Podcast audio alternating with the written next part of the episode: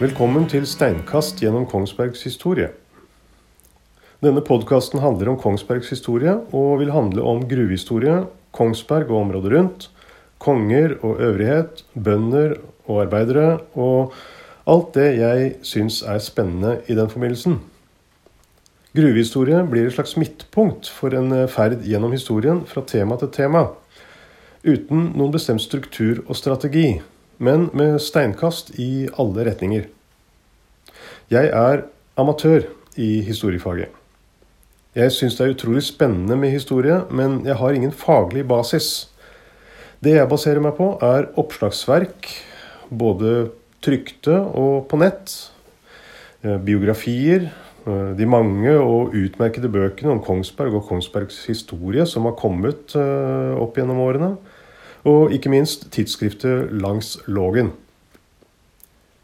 Jeg kommer til å vingle hit og dit gjennom historien, spekulere, spinne av gårde i retninger jeg syns er spennende, og kanskje finne noe som kan være interessant også for andre enn meg.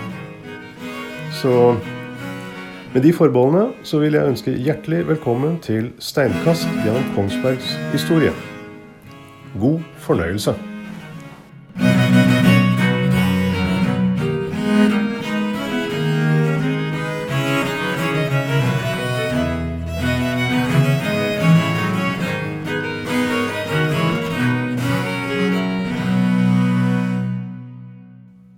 Episode to Ekspresstog gjennom gruvehistorien.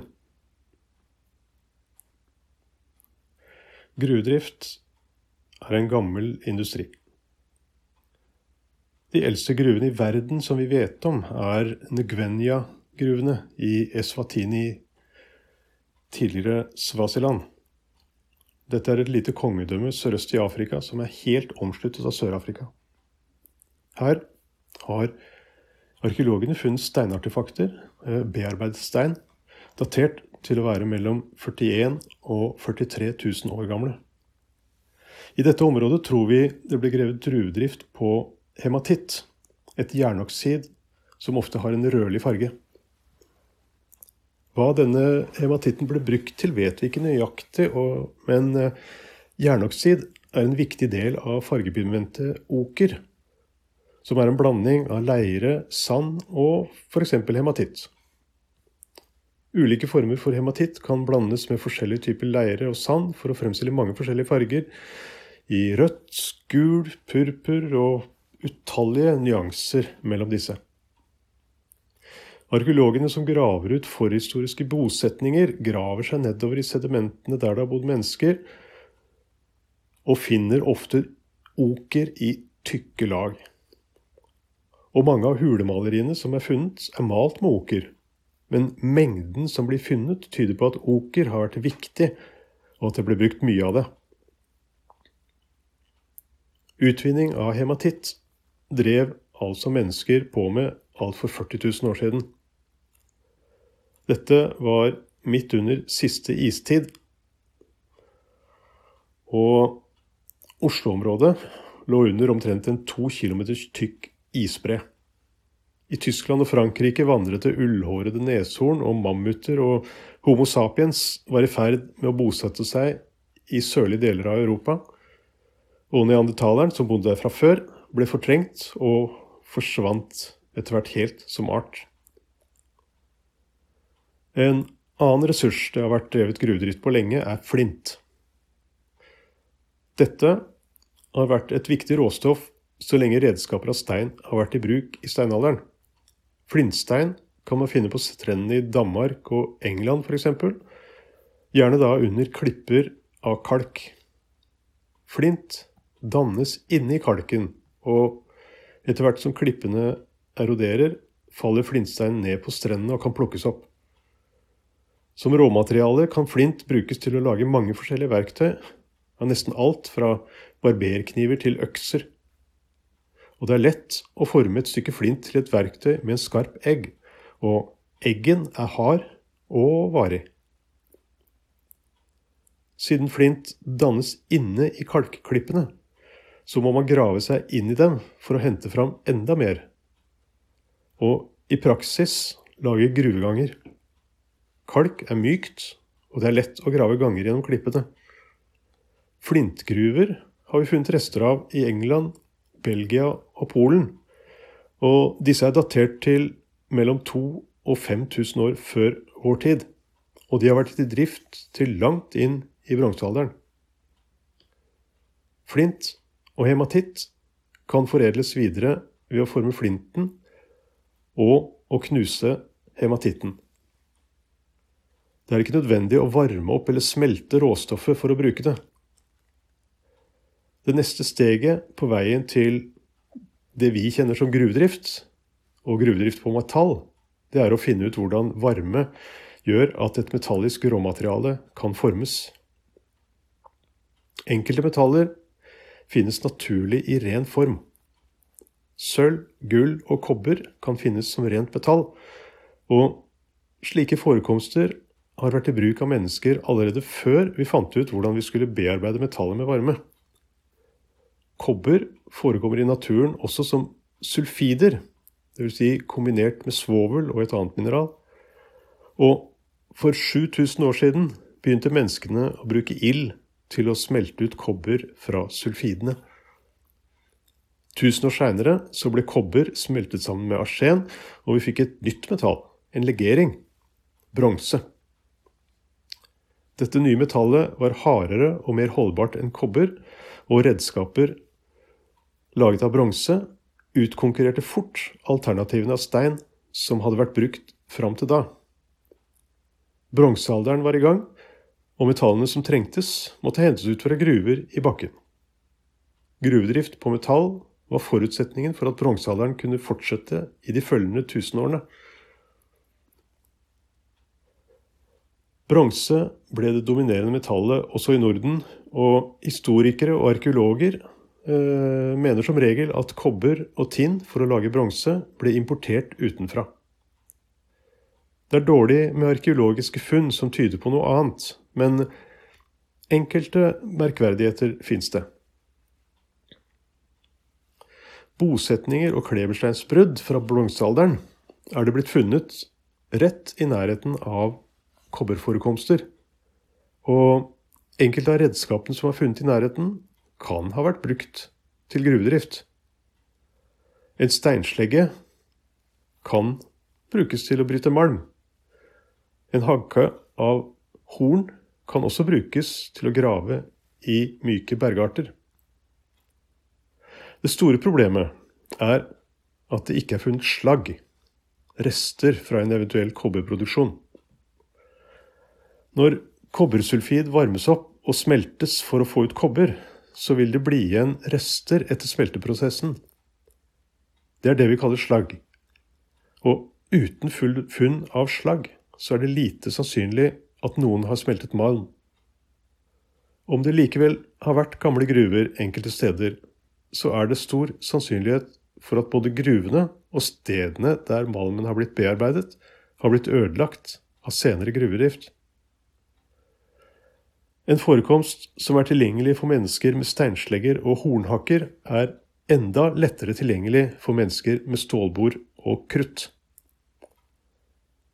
Det arkeologene har funnet, er bronsegjenstander og støpeformer for å lage gjenstandene. Bronse har vært smeltet og bearbeidet her i landet, så teknologien for å smelte metall har vi i hvert fall hatt. Dessuten så fins det kobberforekomster mange steder rundt omkring i Norge. Gruvene på Røros f.eks. var først og fremst kobbergruver, og rundt omkring i landet ble det tidlig i renessansen etablert flere kobbergruver. Men vi har også noen funn som kan antyde at det har vært gruvedrift på kobber også i middelalderen. I Trøndelag er det funnet rester etter smelteverk, kull og tre som er datert til en gang mellom år 1100 og 1300.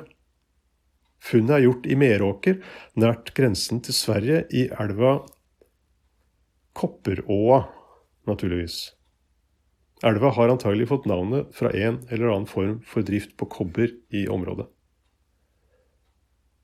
Skriftlige kilder til gruvedrift i Norge kommer enda seinere. Og før de finnes, må det også finnes noen som kan skrive dem ned. Etter hvert som de skandinaviske kongerikene oppstår og etablerer seg i hundreårene før og etter årtusen, så oppstår behovet for å skrive ned beslutninger, avtaler og lover som før bare har vært overlevert muntlig. Nesten samtidig med dette så blir kristendommen den dominerende religionen i Norden.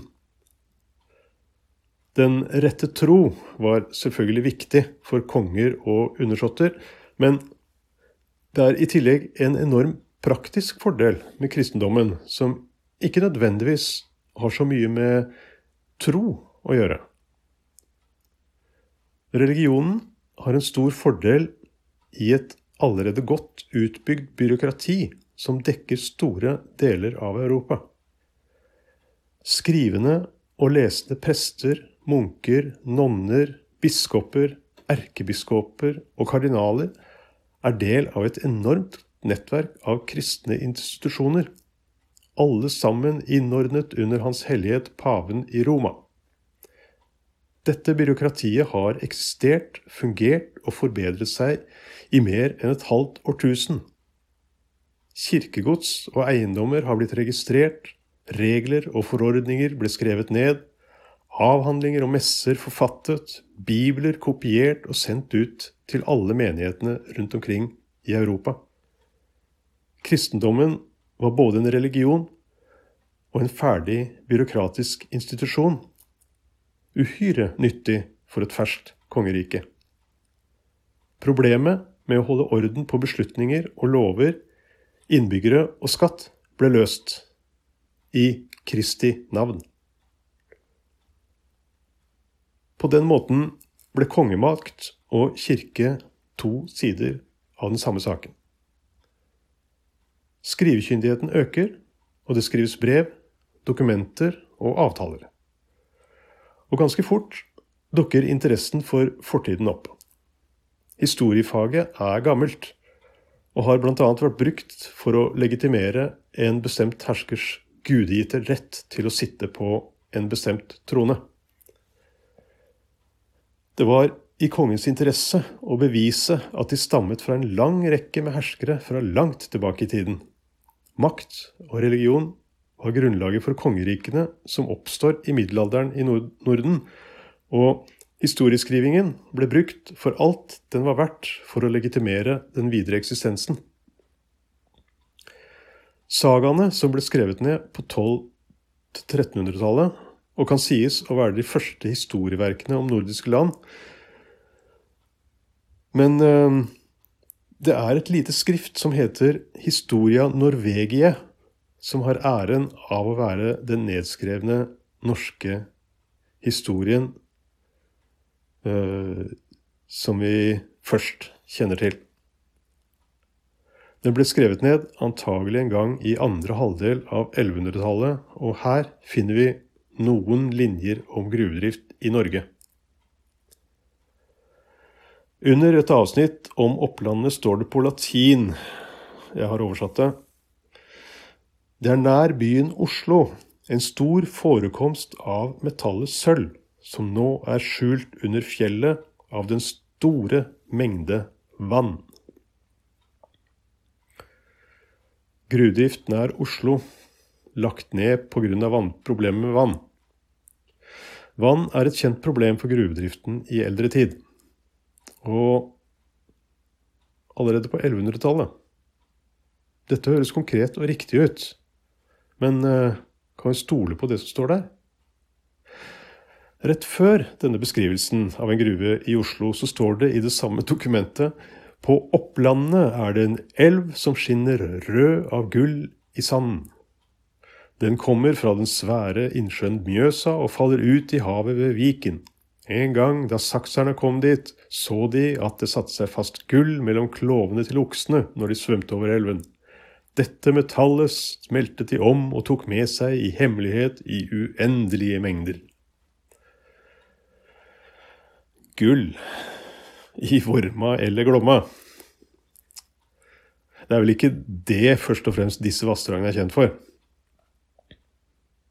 Men likevel, på Eidsvoll så lå en av Norges få gullgruver, så det kan jo ha vært funnet litt gull som har blitt vasket ut i elva fra omkringliggende forekomster. Neppe i uendelige mengder, eh, men det kan jo være en liten overdrivelse for å pynte på historien.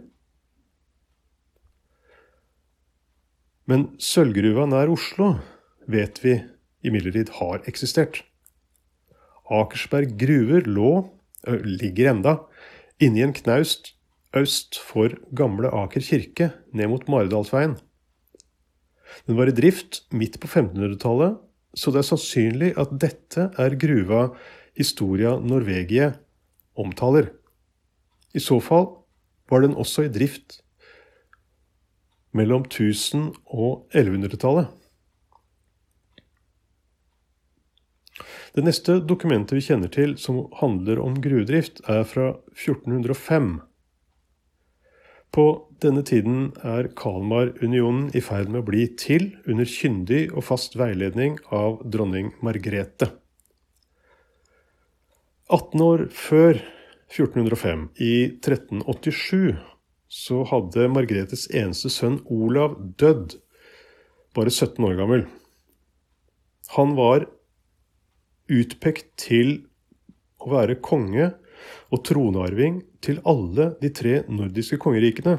Og hele unionsprosjektet sto i fare for å gå i oppløsning. Hvis unionen skulle bli noe av, så måtte noe gjøres. Så året etter hentet derfor Margrethe sin grandnevø Bogislav. Grandnevø betyr at han var sønnen til Maria, datteren til Margrethes søster Ingeborg, til oppfostring hos seg.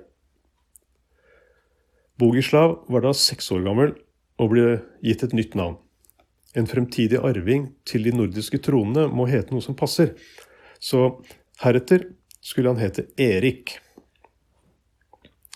I 1396 hylles han som konge av Danmark og Norge, og året etter blir han kronet til konge av Norden i Kalmar og dermed er Kalmarunionen etablert. Ni år senere, i 1405, har kong Erik blitt 23 år gammel og reiser på hyldningsreise til Norge.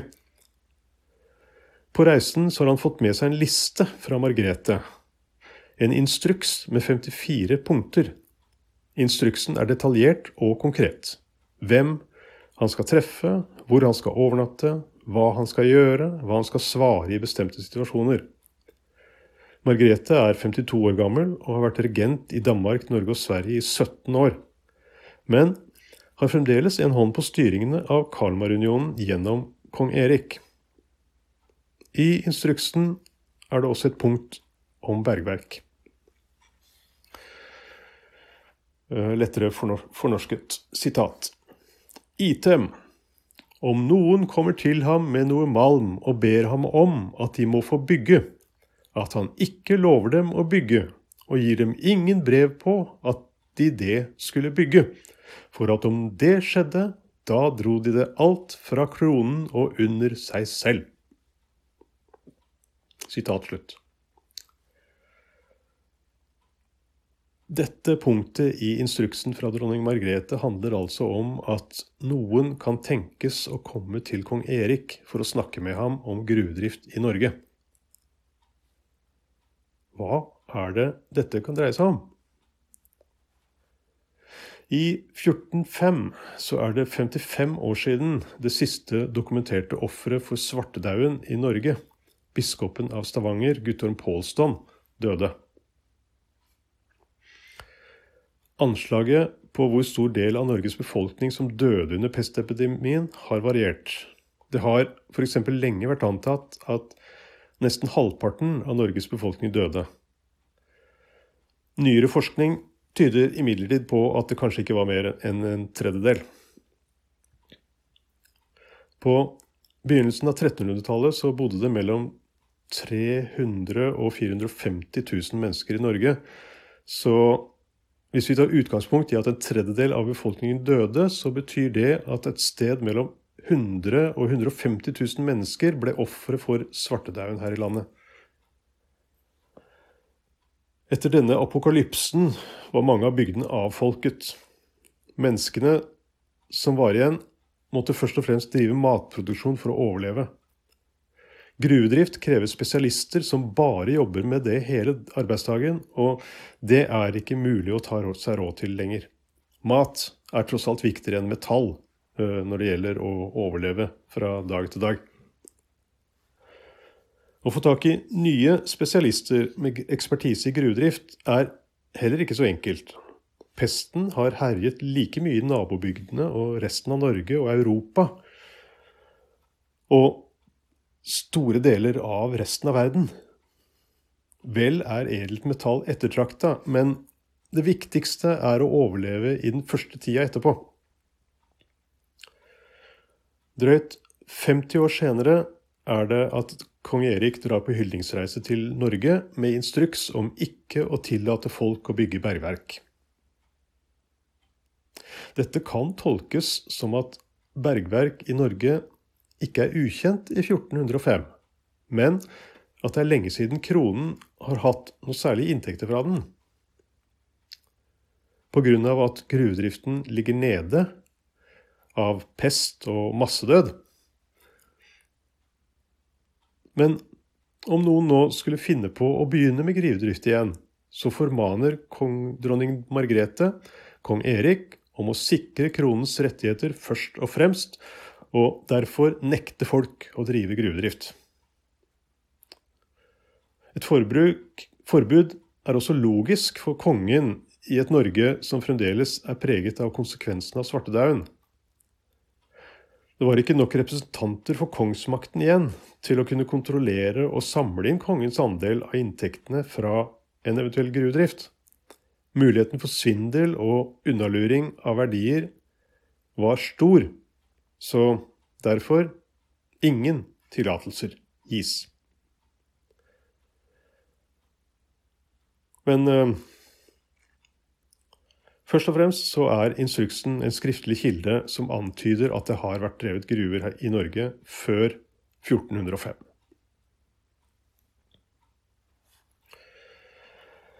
«85 år senere fins det bevart en annen skriftlig kilde, og nå nærmer vi oss våre egne eh, trakter. Året er 1490, kongen heter Hans, og han gir en viss Henrik Krummedige len på et kobberverk i Sandsvær. Sitat. Vi med hans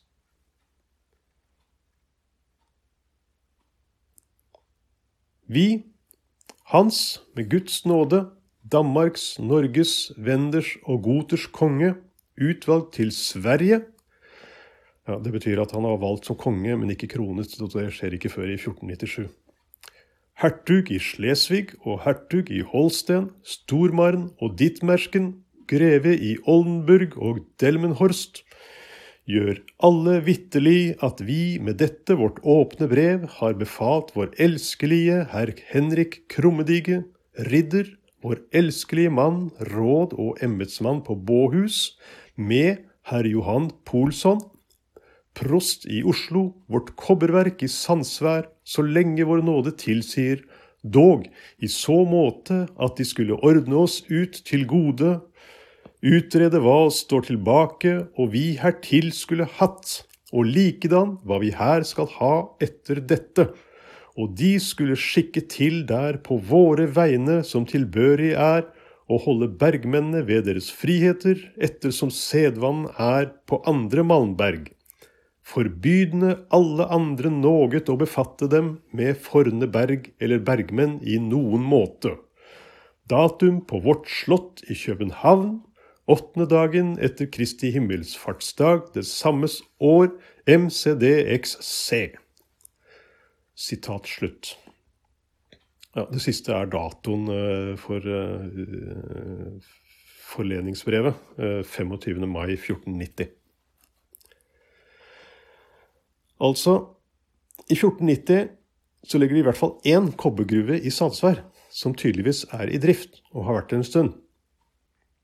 Det er sannsynligvis snakk om en gruve som senere fikk navnet Samsonberg. Denne har vært understrøk av Norsk Bergverksmuseum, og prøver av kull og tømmer har blitt datert til først på 1400-tallet. Denne gruva gir kong Hans til Henrik Krummedige i Len. Dette kommer i tillegg til alle de andre eiendommene som kongen har gitt ham tidligere. Grunnen til at uh, Henrik Krummedige sitter på så mye eiendommer, er at i slutten av 1400-tallet så knaket Kalmarunionen i sammenføyningene. I Sverige hadde det vært misnøye med unionskongene lenge, og, og da kong Kristoffer av Bayern døde i 1448, så var det to grupperinger i Norge som støttet hver sin uh, nye kongskandidat. Den ene uh, fløyen støttet Carl Knutson Bonde, som ble valgt til konge i Sverige. Og den andre støttet Christian, en nevø av hertugen av Slesvig.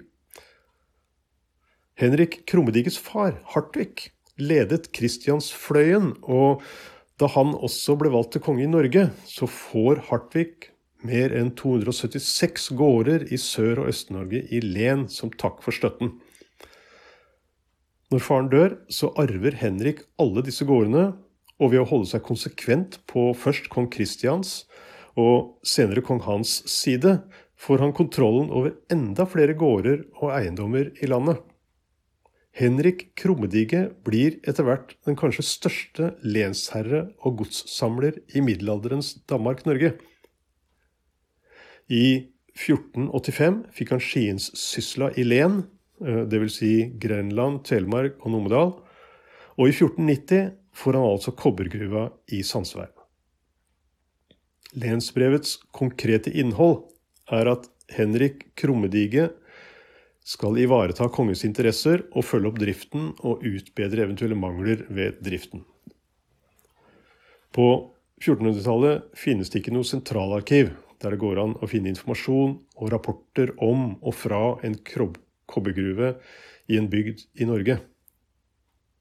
Avtaler og kontrakter blir samlet på mange forskjellige steder, og for å kunne sette opp nye avtaler blir de derfor ofte basert på standardfraser og formuleringer fra tidligere oppsatte dokumenter, for å sørge for at kongens politikk blir gjennomført på samme måte i de ulike delene av kongeriket. Ei gruve et annet sted i Norge eller i Sverige skulle drives etter de samme prinsipper og forordninger, så Formuleringene om å utrede det som er til gode, og sørge for at bergmennene behandles skikkelig, og forbud mot at andre skal drive med gruvedrift, kan rett og slett være et standardoppsett på avtale om forlening av bergverk. Men selv om vi ikke har et sentralarkiv, så finnes det arkiver.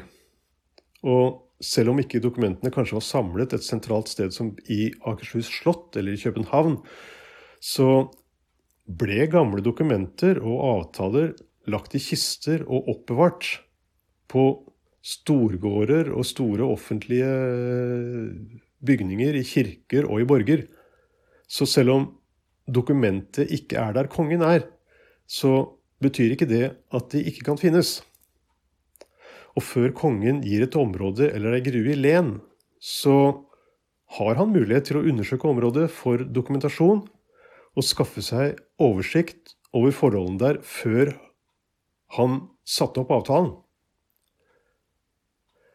Kongen vet at det fins en kobbergruve i Sandsvær, og noen må ha hatt ansvaret for driften før Henrik Krummedige. I tillegg går en del av handelstrafikken fra Vestlandet over nordmannsslepene og ned gjennom Numedal, forbi Sandsvær og til Tønsberg og Skien.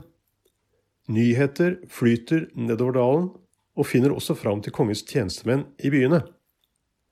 Med det som et utgangspunkt så kan vi begynne å tolke og lese litt mer ut av innholdet i lensbrevet enn det som står der.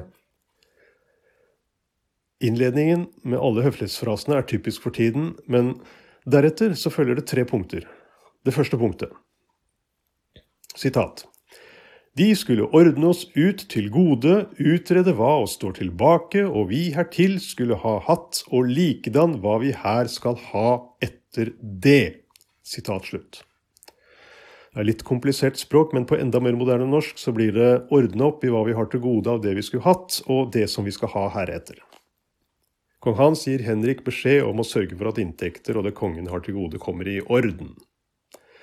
Det andre punktet, sitat de skulle skikke til der på våre vegne som tilbørlig er, og holde bergmennene ved deres friheter ettersom sedvanen er på andre malmberg. Sitat slutt. Henrik skal sørge for at bergmennene har de friheter og rettigheter som de har ved andre gruver. Gruvearbeidere er spesialister, og i middelalderen var det Tyskland som hadde den mest omfattende gruveindustrien i Europa. Derfor ble bergmenn og ekspertise ofte hentet herfra.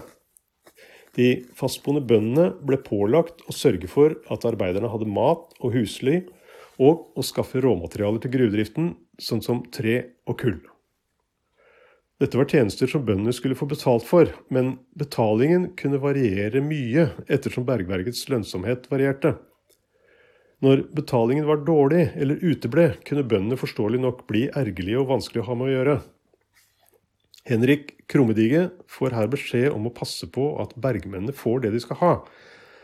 Men han kan heller ikke trylle fram lønnsomhet hvis det ikke blir utvunnet nok kobber. Så i praksis så må han finne en måte å balansere mellom bønder og arbeidere, og sørge for at begge parter er såpass fornøyde med ordningen at det ikke blir problemer. Vi kjenner ikke til at det har vært noe opprør mot gruvearbeiderne i Sandsvær på 1400- og 1500-tallet, så det kan se ut som han løste den oppgaven. Det tredje punktet. Sitat. Forbydende alle andre noget å befatte dem med forne berg eller bergmenn i noen måte. Sitat slutt. Det er Hans Krummedige og ingen andre som skal ha ansvaret for bergmennene og gruvedriften i området. Dette er også en generell frase om hvem som har ansvar, og hva ansvaret går ut på. Hvis vi går ut ifra at det er forholdene i samsvær dette dreier seg om, så vet vi at flere av sølvforekomstene i Gruveåsen overfor Kongsberg var tilgjengelig i dagen. Og siden kunnskapen om gruvedrift og skjerping var godt kjent av mange i bygda, gruvedrift siden 1400-tallet, kan det godt tenkes at bønder og bergmenn sammen har undersøkt området for andre forekomster og muligheten for å drives private små skjerp.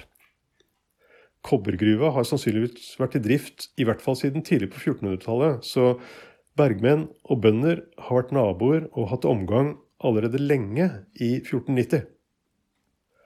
Rykter, rapporter og meldinger om den slags virksomhet kan ha nådd helt til kongen, så kanskje det er derfor han gir sin betrodde venn Henrik beskjed om å forby den slags virksomhet. I 1490 er Sandsvær en rik jordbruksbygd med velbrukte handelsveier fra Vestlandet til Tønsberg og Skiensområdet, og har vært det i hundrevis av år. Det har vært gruvedrift her i hvert fall siden tidlig på 1400-tallet, så tradisjon for bergverk er også godt etablert her. Vi vet at det fantes sølvforekomster i åsene nord for bygda, og noen av dem lett tilgjengelig helt opp i dagen når først torv og jord var fjernet. Men det går 133 år til før sølvfunnet forandrer området fullstendig. Du har nå hørt andre episode av podkasten 'Steinkast gjennom Kongsbergs historie'.